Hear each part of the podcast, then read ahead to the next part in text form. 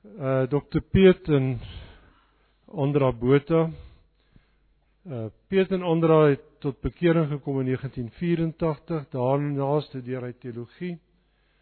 Hy doen sy BA in, in Pretoria, sy BTA en sy M-grade in Stellenbosch en sy PhD in Potchefstroom. Ekskuus, die M-graad ook in Potchefstroom. Uh met die titel Homoseks in die Bybel. Terloops, hy en Jakobus was klasmaats gewees. Hy sê hulle was 'n driemanskap wat 'n bietjie ouer as die ander was. Uh vir 30 jaar lank was hy sendeling gewees by ehm uh, Kwasiso Bantu en tans bestuur hy en ander daar die Augustine Boekroom in uh Constantia Park. Piet baie baie welkom vanoggend en mag die Here jou lei in jou prediking vanoggend. Sal ons saam bid. Ons hemelse Vader. U het dit so gewil dat ons ver oggend saam is. Maar ek bid dat U deur U Gees deur die kosbare woord hier by ons sal werk vir oggend. U ken elkeen wat u gebring het. U ken elke hart. U het vir my 'n boodskap gegee. En ek saai dit in die oortuiging dat u woord nie leeg na u toe sal terugkom nie. Here Jesus, wees in ons midde. Wees in ons midde, Here, en, en seën ons. Open ons ore skenk vir ons geloof in Jesus Christus vra ons dit. Amen. Al die jare was ek gewoond geweest om in Engels te preek. So elke keer as ek my Afrikaanse Bybel uithaal, dan voel ek 'n bietjie ongemaklik met die taal. Uh so as ek af en toe Engelse uh woord inglip, vergewe en uh dan gaan ons dan gaan ons aan. Uh dit's nie maklik om die woord te verkondig nie. Uh, broer en suster in die Here Jesus, dit is nie maklik nie. Dis dis 'n geweldige verantwoordelikheid. En uh vir my om ver oggend die woord vir u te bring is 'n verantwoordelikheid. Maar ek vertrou dat u het gekom om te hoor wat die Here God vir ons wil sê uit sy woord uit en dat u saam met my sal luister na dit wat ons uh uit die woord kry.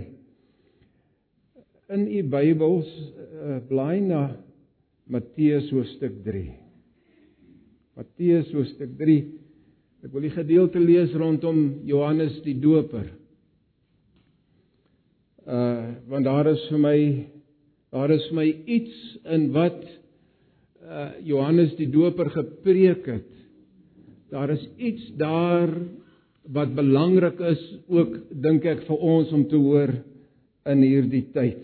Daar's baie parallelle in vandag se lewe met die lewe na die uh die die Ou Testament basies vir omtrent 400 jaar afgesluit was. Daar's iets om te hoor. Kom ons lees saam Matteus 3 vers 1. In daardie dae het Johannes die Doper opgetree en in die woestyn van Judea gespreek en gepreek en gesê bekeer julle want die koninkryk van die hemele het naby gekom. Want dit is hy wat van wie deur die profeet Jesaja gespreek is toe hy gesê het die stem van een wat roep in die woestyn berei die weg van die Here maak sy paaie reguit. En hy Johannes het 'n kleed gedra van kameelhare en 'n leergord om sy heupe en sy voetsel was sprinkane en wilde heuning. In Jerusalem en die hele Judea, en die hele omtrek van die Jordaan het uitgegaan na hom toe. En hulle is deur hom in die Jordaan gedoop met belydenis van hulle sondes. Maar toe hy baie van die Fariseërs en die Sadduseërs na sy doop sien kom, sê hy vir hulle: "Adder geslag, Wie het julle aangewys om te vlug vir die toren wat aan die kom is. Dra dan vrugte wat by die bekering pas. Jy moenie dink om by jouself te sê ons het Abraham as vader nie. Want ek sê vir julle die dat God mag het om uit hierdie klippe kinders vir Abraham op te wek. Maar die Bybel lê ook al teen die wortel van die bome. Elke boom wat goeie geen goeie vrugte dra nie, word uitgekap en in die vuur gegooi. Ek doop julle wel met water tot bekering. Maar hy wat na my kom is sterker as ek, wie se skoene ek nie waardig is om aan te dra aan te dra nie. Hy sal julle doop met die Heilige Gees en met vuur. Sy skop is in sy hand en hy sal sy dorsvloer deur en deur skoon maak en sy koring in die skuur saambring, maar die kaf sal hy met onuitblusselike vuur verbrand. Ons lees tot sover. Dit is die woord van die Here. As ek vandag 'n bietjie kyk na hoe ons leef as mense, dan sien ek van wat mense rondom jou ervaar in jou gesprek met mense. Maar jy lees dit ook in die koerante wêreldwyd in die sogenaamde global village idee dat ons 'n uh, baie 'n gemeenskap is wat onder baie gedwonge toestande lewe. Uh, ek dink dat die die bose pes COVID baie daarmee te doen het om dinge te aksentueer. Uh daar is druk op ons uit die familie. Daar is druk op ons uit die kerk. Daar is druk op ons uit die gemeenskap, uit werk, finansies, die skool. Oral is daar druk wat ons moet ervaar en wat ons moet verwerk. En en dit is of ons elke dag as ons as ons uitgaan uit die huis uit of ons hierdie konfrontasie met die druk uit die wêreld moet hanteer. In 'n sekere sin word dinge oor ons uitgespreek, word dinge op ons afgedwing uh, en as ons in 'n sekere sin uitgelewer aan wat die magte van die dag de doen en besluit. En weet jy vir my, vir my het dit implikasies uh, of 'n impak op hoe ek prakties my lewe lewe. En ek het al ek het al moes sit en dink oor oor my godsdiens, oor my God, oor wie ek is wanneer dit kom dat ek voor my God staan. En en ek moes hierdie impak, hierdie impak op my op myself verwerk. En ek vra dan vir my vraag, maar Piet, hoe dink jy oor oor oor dinge in die lewe? Of wat dink jy? Daar was iemand in die in die boekwinkel gewees wat 'n bietjie gesit en gesels het.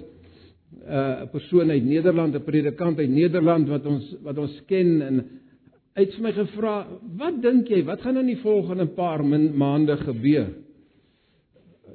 So 'n mens, 'n mens dink oor hierdie dinge. Maar maar meer meer presies, broer en suster, meer presies is hierdie 'n tyd waarin ek vir myself gevra het, wat glo ek?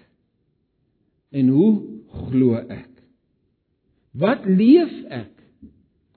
En hoe leef ek? Uh, die Engelse het uh, het uh, het 'n miskien 'n begrip, hulle praat van die bare essentials, die die naakte waarheid. Daardie dingetjies waaroor dit nou regtig gaan.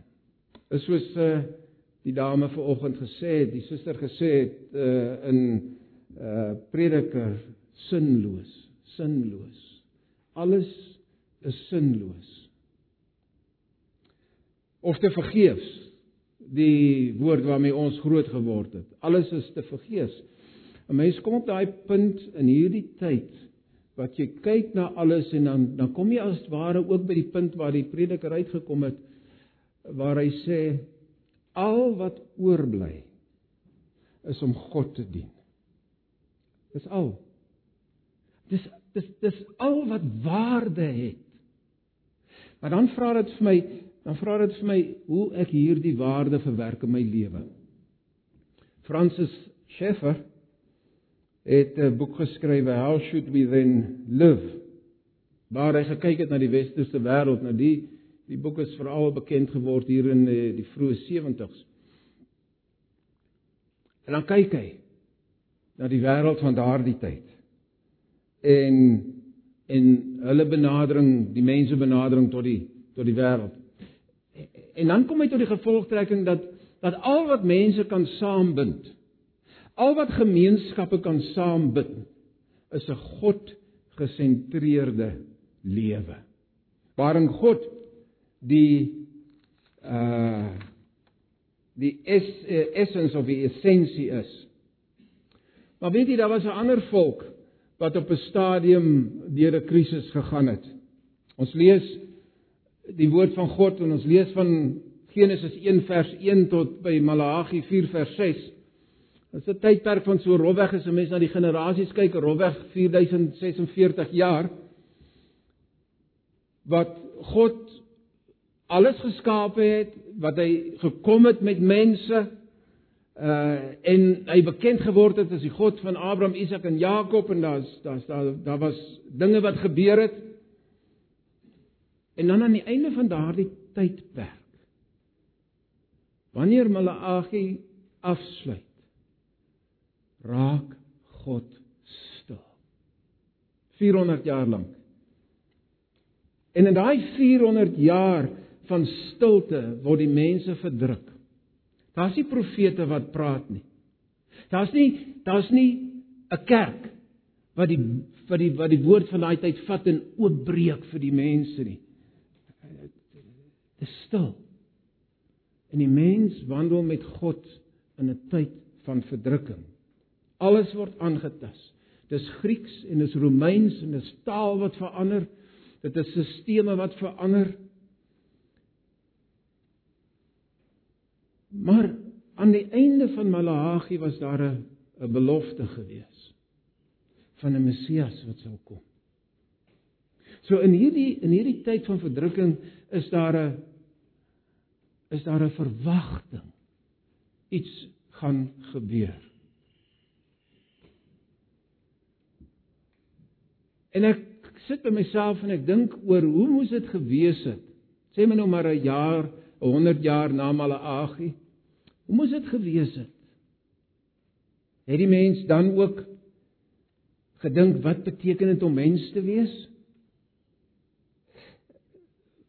Wat het hy gedink? Hoe glo hy? Wat glo hy?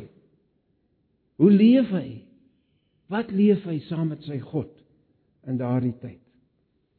Ek dink ek dink as ek vir myself dink oor die mens van daardie tyd en ek dink aan wie ek nou is, dan dink ek hy het ook op 'n manier naakgestaan voor sy God in afhanklikheid daarvan om te weet, Here, waar is U in al hierdie dinge wat besig is om te gebeur? Hulle was onder dwang. Dit was nie maklik geweest nie in daardie tyd. Die een nasie na die ander het God se volk verdruk. Hulle het nie meer Hebreëus gepraat nie, Aramees en Grieks. Daar was die Makkabeese opstand geweest, daar was die Bar Kokhba opstand geweest. Hulle het gekom in in die tempel het hulle die onheiligheid geplaas, wat die Engelse sê die abomination. Hulle het afbeelde, hulle het varke geslag in die huis van die Here van daardie tyd. En God se mense sy volk moes in trane moes in trane gesit het gehuil het en uitgeroep het Here God waar is u in al hierdie dinge waar is u hoekom is u stil na 400 jaar gaan daar 'n stem op langs die Jordaan in die wildernis. Die stem van Johannes die Doper. En vir hierdie mense wat miskien visie verloor het, vir hierdie mense wat miskien hoop verloor het, vir hierdie mense wat gesoek het na hulle God, hoor hulle 'n nuwe stem. Bekeer julle, want die koninkryk van die hemele het naby gekom. Die mense was honger want ons lees dat hulle het gestroom van Jerusalem en van die omgewing af het hulle gestroom na Johannes die Doper toe. Maar daar was 'n behoefte. Daar was 'n daar was 'n 'n versigtiging na God. Soos die bok wat dors na die water, daar was 'n daar was 'n diepe behoefte om God se stem weer te hoor. En dan dan dan hierdie stem vir hierdie mense, want kyk in daardie tyd het hulle hulle het na die tempel gegaan. Hulle het geoffer. Die sinagoges het in daai tyd ontstaan. Elke elke Sabbat, elke Saterdag doelgerig was hulle in die in die in die sinagoge om te hoor wat sê die skrifte. Maar hier kom 'n nuwe stem. 'n Nuwe stem wat uitroep: Bekeer julle.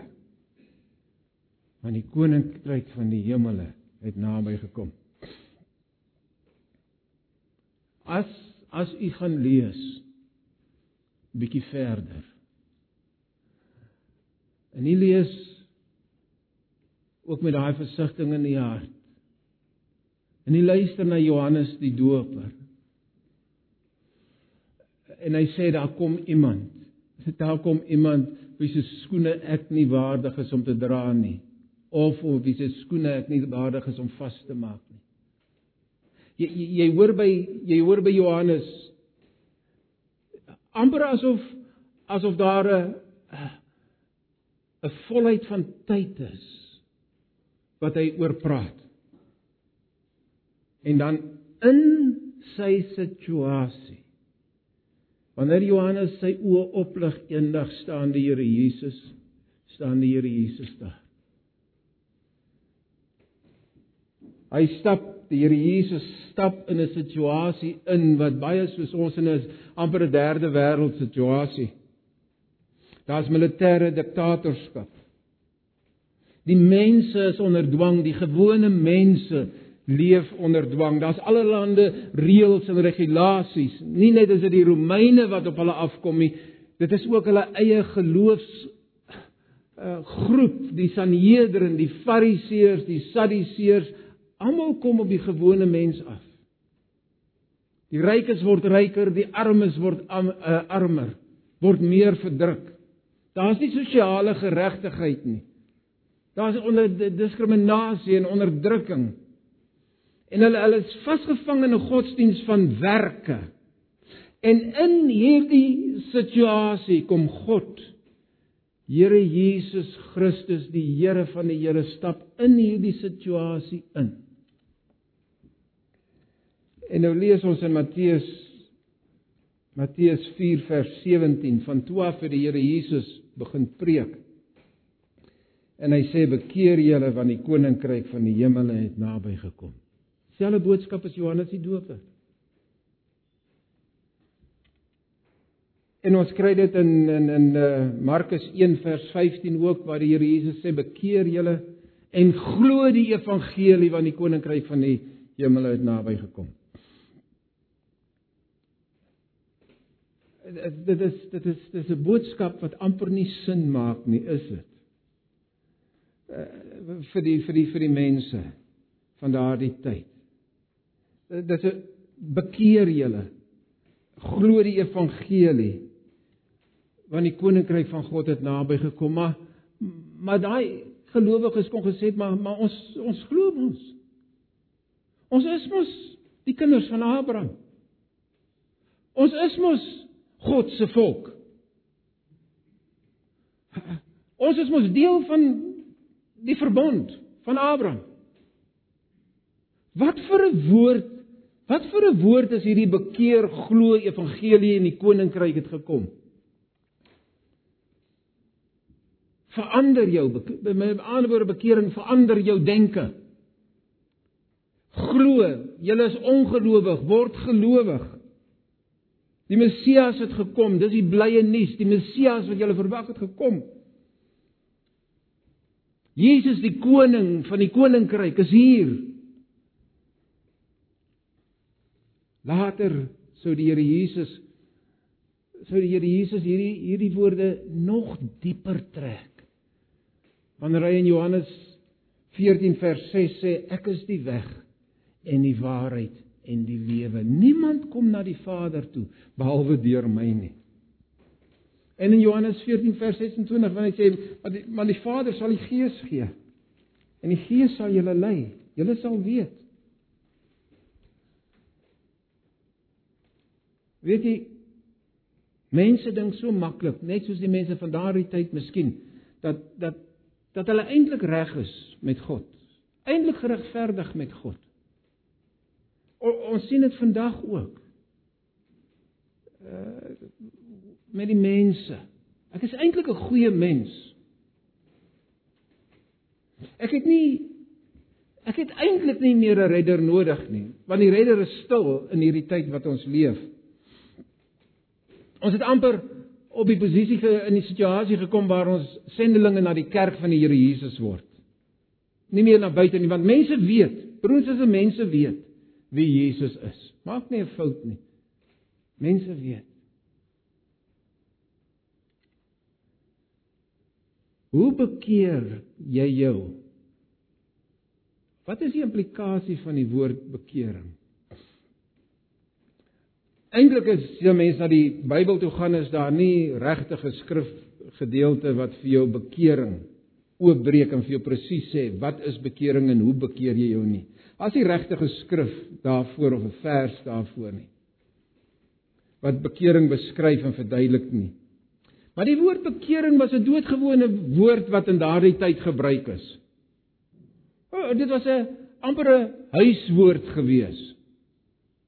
Eh, wat wat gebruik is. So wanneer die die die Here Jesus en Johannes die doper vir mense sê bekeer jou, was dit soos die Engelse sê obvious wat moet gebeur. Dit was voor die hand liggend wat moet gebeur. Dit is 'n gewone woord. Dit was nie 'n woord wat essensieel teologies uh gelaai was in daai tyd nie. Dit beteken verander die manier wat jy dink. Verander die manier wat jy sien. En dit verander die manier hoe jy leef. Dit word baie maklik verduidelik om te sê as as as ek as ek in daardie rigting loop, en iemand sê vir my bekeer jou, dan draai jy om en jy loop in die teenoorgestelde rigting. Dit is in effek wat wat gebeur. Maar omdat dit nou van Johannes die Doper kom en dit praat van die doop van bekering en omdat dit van die Here Jesus kom wat dieselfde woord gebruik in dieselfde konteks, dieselfde beteken dit vir hierdie mense dink nuut oor hoe jy as 'n gelowige mens leef dink met 'n veranderde gedagte of denkwyse. Met ander woorde, kyk na jouself. Kyk na wat die Here Jesus vra en maak seker dat jy in die lewe is soos wat die Here Jesus wil hê jy moet in die lewe wees. In jou verhouding met God die Vader, God die Seun en God die Heilige Gees en 'n verhouding met die woord want want hulle het die woord gehad op daardie stadium wat die Here Jesus hierdie woorde gepraat het. Hulle het die woord gehad tot op die einde van die Ou Testament. Gaan kyk vir jouself of jou lewe en my lewe dan in lyn is met wat God vra. Dis ongelooflik ongelooflik verrykend om na die woord van God te gaan vir jouself. Nie noodwendig vir die Bybelstudie of nie noodwendig vir die samekoms nie, maar vir jouself na die woord van God te gaan en die antwoorde daar te gaan soek. Om dors te wees om om om daardie behoefte te hê om te om te soek na die Here Jesus Christus en sy wil in sy woord. Wat beteken dit om te glo? Ek dink baie van ons word gekonfronteer met met met dit vandag want want baie van die dinge waaraan ons geglo het het sinloos geword. Het te vergeefs geraak. So so wat beteken dit om te glo? Ek het vir ehm um, vir iemand uh, nou die dag gesê in hierdie tyd ons het gepraat en sê ek vir hom uh, in hierdie tyd I had to rethink God. In ander woorde ek moes voor God kom staan en miskien net vir hom die vir myself en vir hom die vraag vra wie is u Here? Wie is u Here vir my? Dan gooi jy mense 'n bietjie die die vooropgestelde idees wat jy het, gooi jy bietjie af van jou af. Jy sit hulle bietjie eenkant toe en jy vra en jy gaan na die woord toe en jy vra, Here, wie is u? Want om te glo beteken in sy mees basiese betekenis om te erken en te weet dat God bestaan. En dat hy bestaan as God die Vader, God die Seun en God die Heilige Gees. Nou jy jy, jy kan nou dalk vir my sê maar Piet, dit is voor die hand liggend. Nee, dit is nie so voor die hand liggend nie.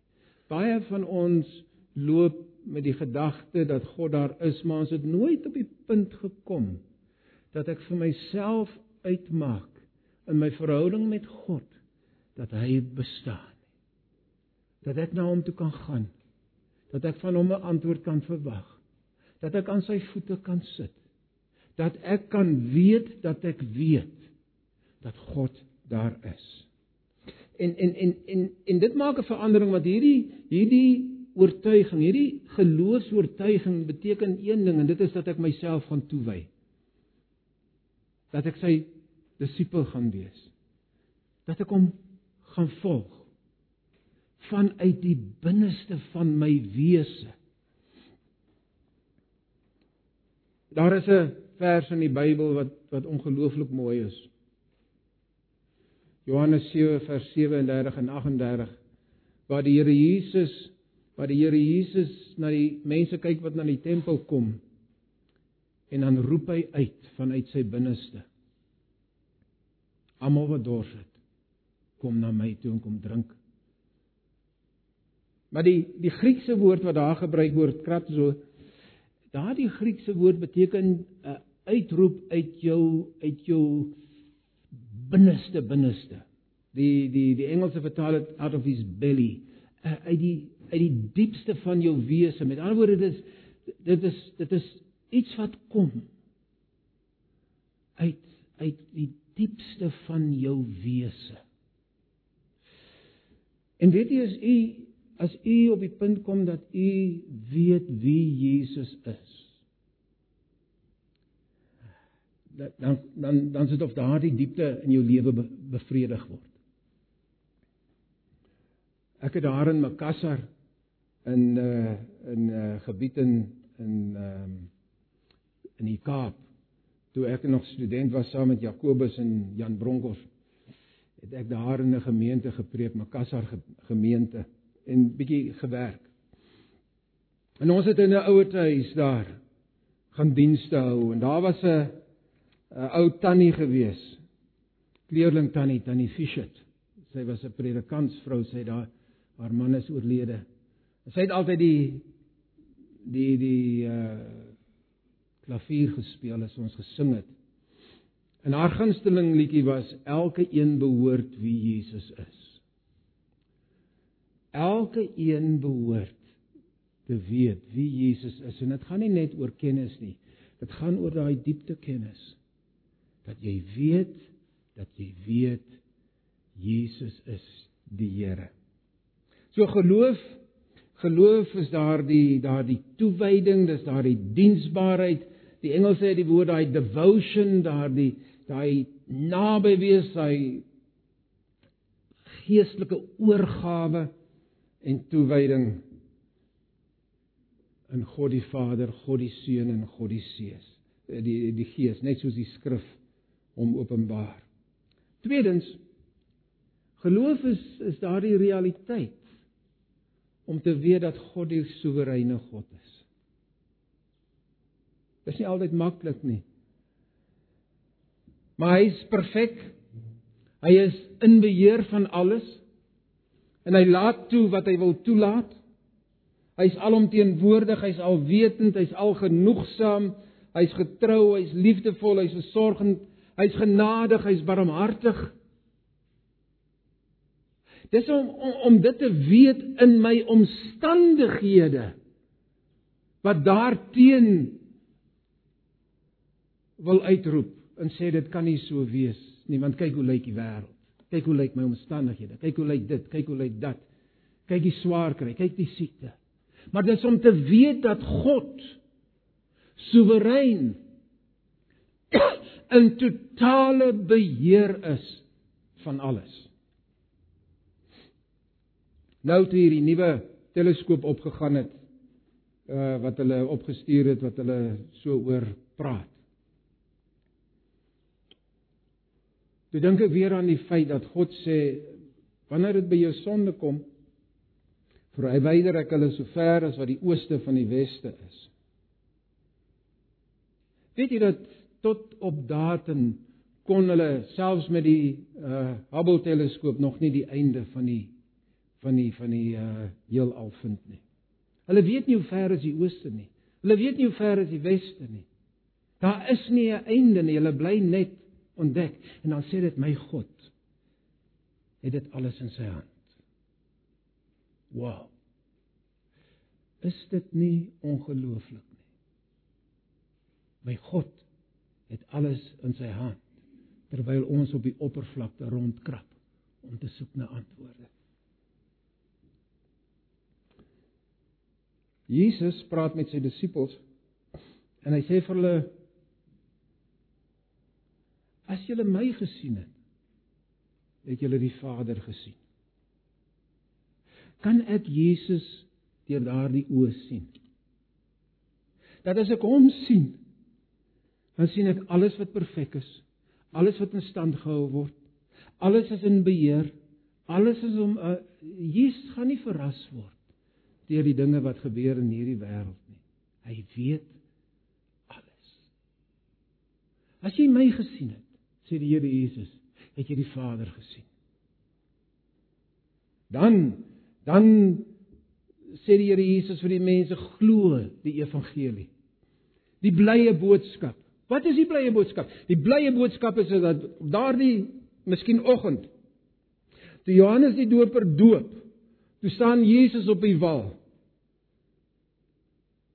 En Johannes sê: "Kyk, die lam van God."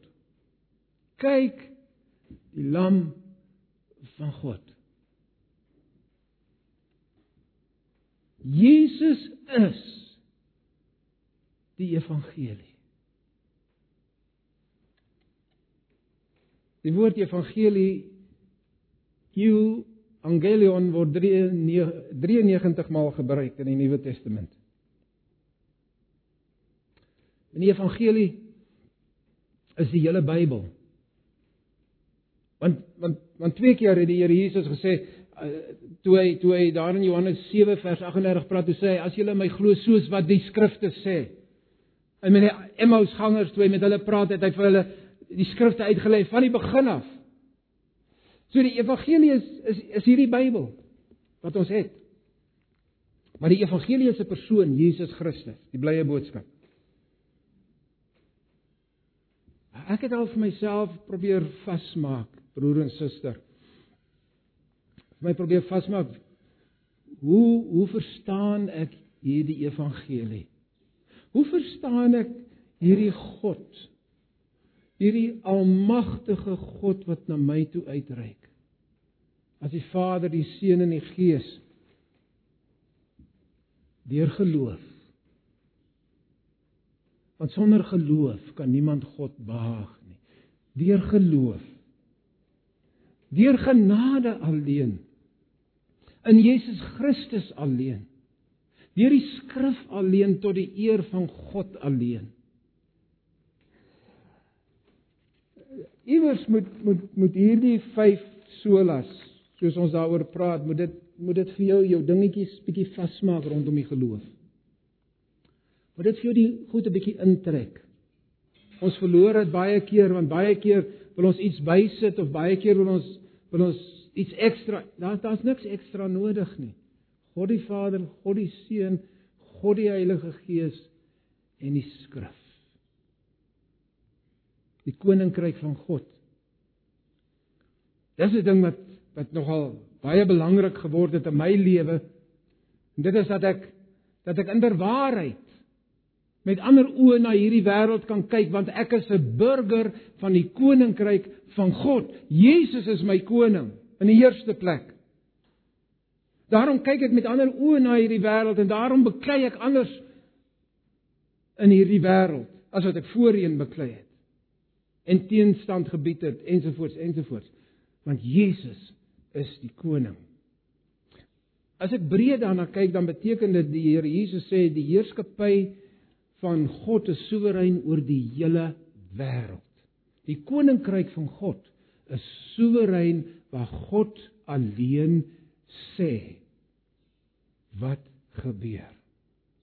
Hy regeer oor alles en hy hou alles in stand en hy laat alles toe wat hy wil toelaat.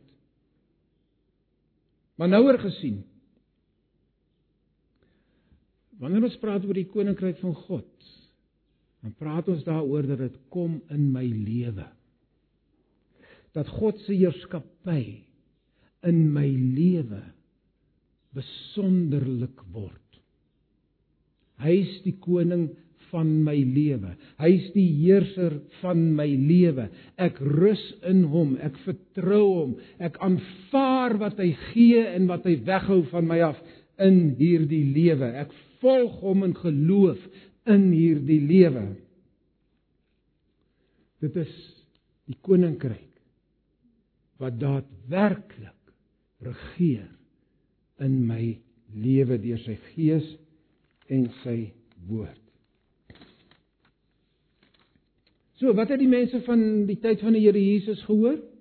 Bekeer julle, glo die evangelie, want die koninkryk van die hemel het naby gekom. Wat is dit wat ons vandag moet hoor? Bekeer julle, glo die evangelie.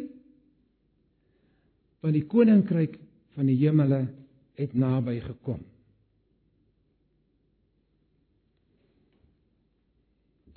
Die Here Jesus sê vir Nikodemus in daardie tyd: Jy moet opnuut gebore word, jy uh uh Nikodemus.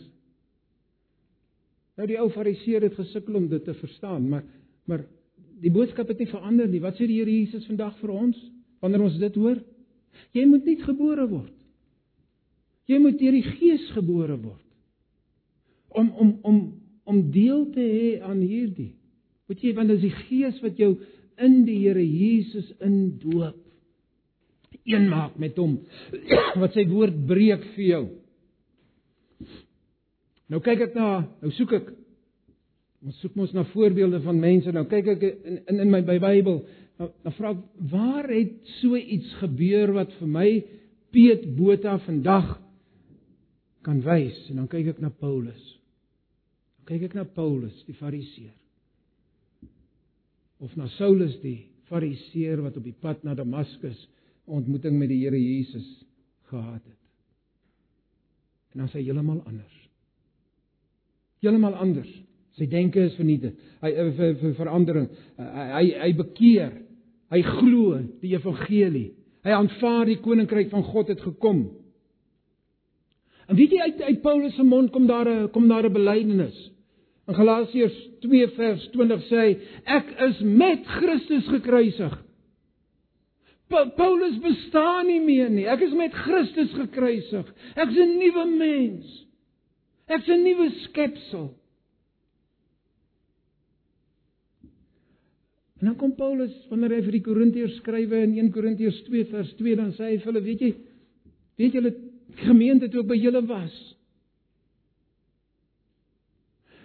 het ek besluit om niks anders te ken en te weet nie maar Jesus Christus die Here.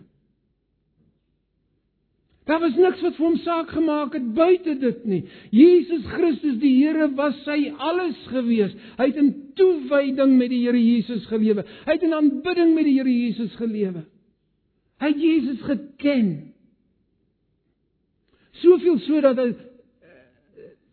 dat hy die bekeringswoorde skrywe in 2 Korintiërs 4 vers 2 dan sê maar ons het besluit om afstand te doen van al daardie dinge wat nie tot eer van Christus is nie. Die engel sê dit mooi.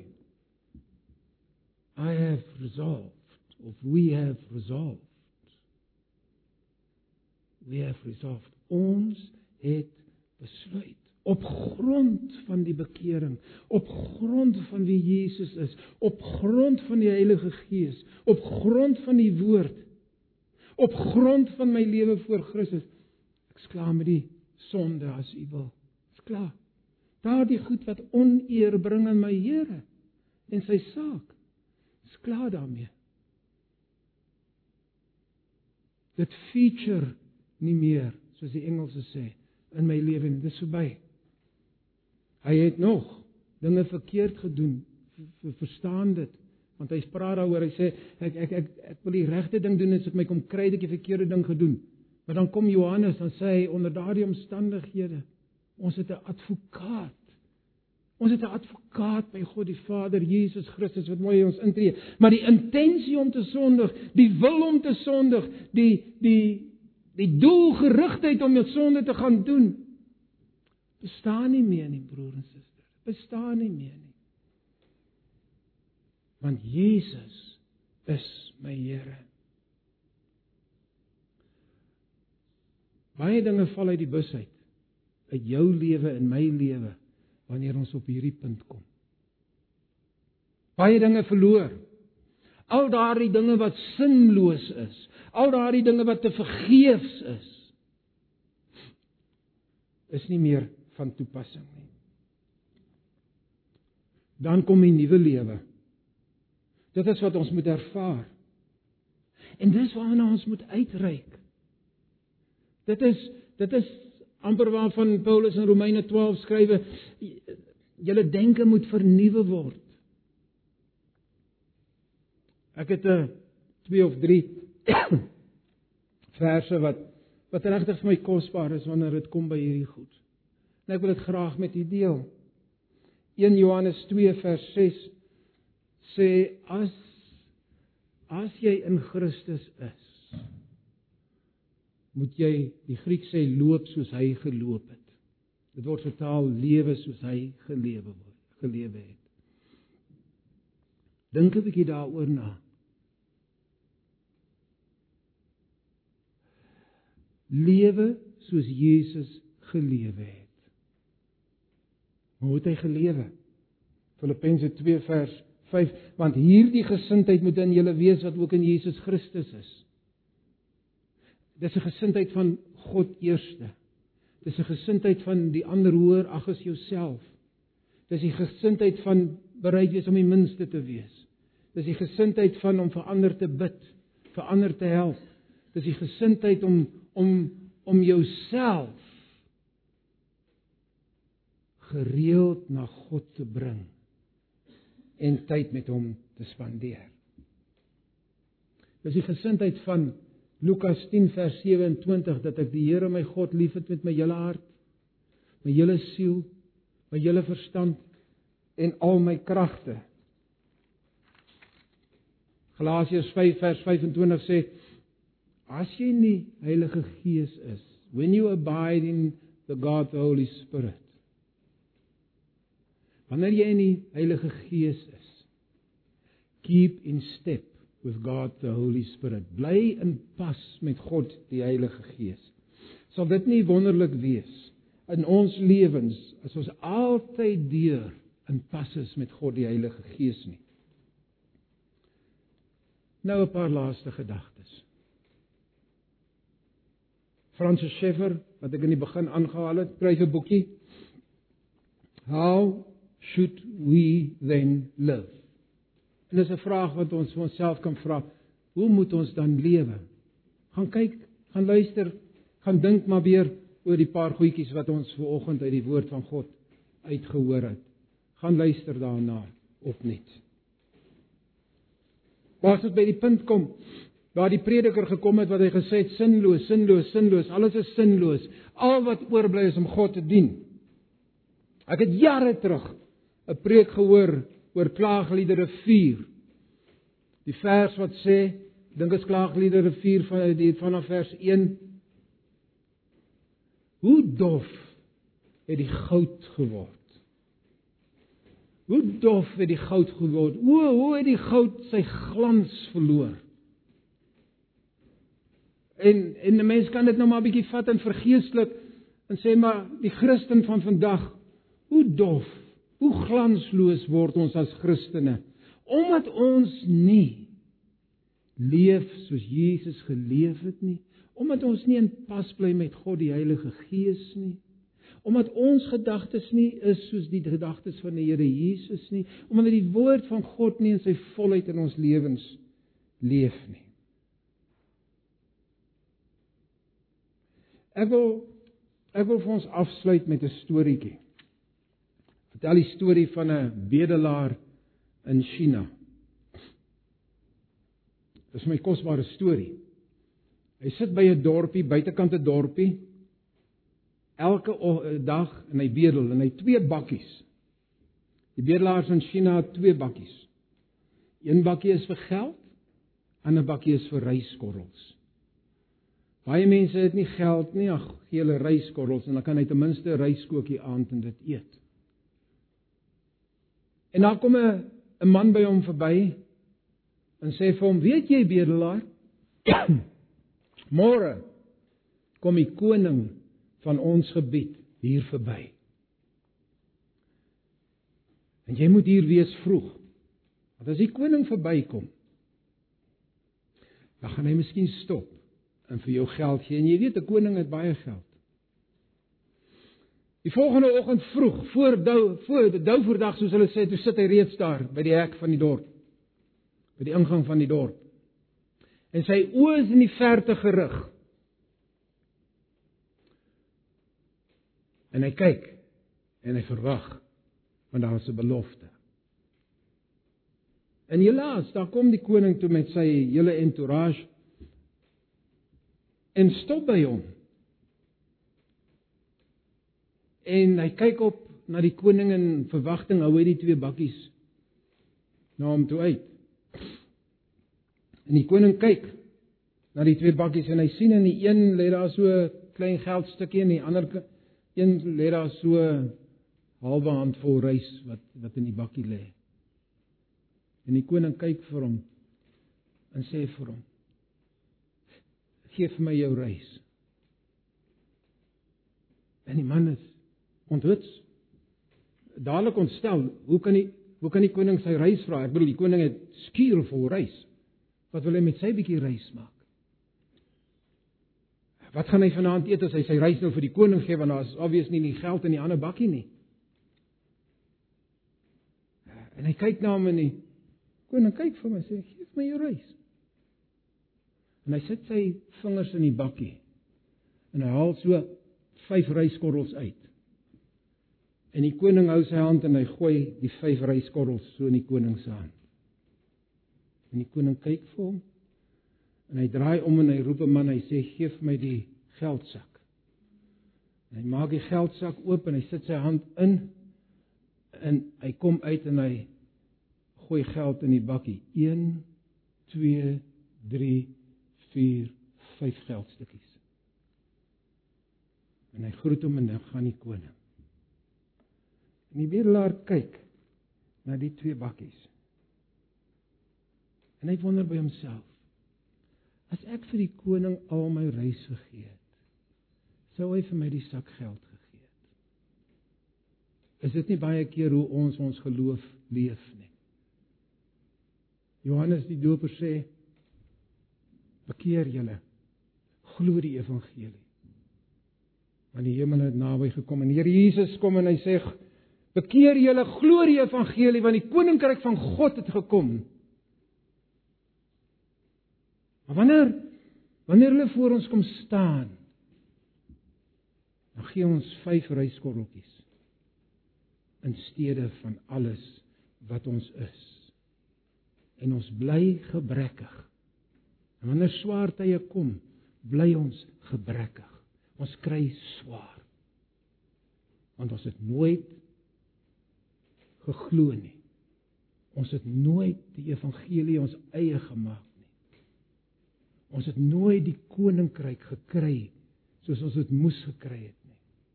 Want ons het altyd deur die handvol vir onsself gehou.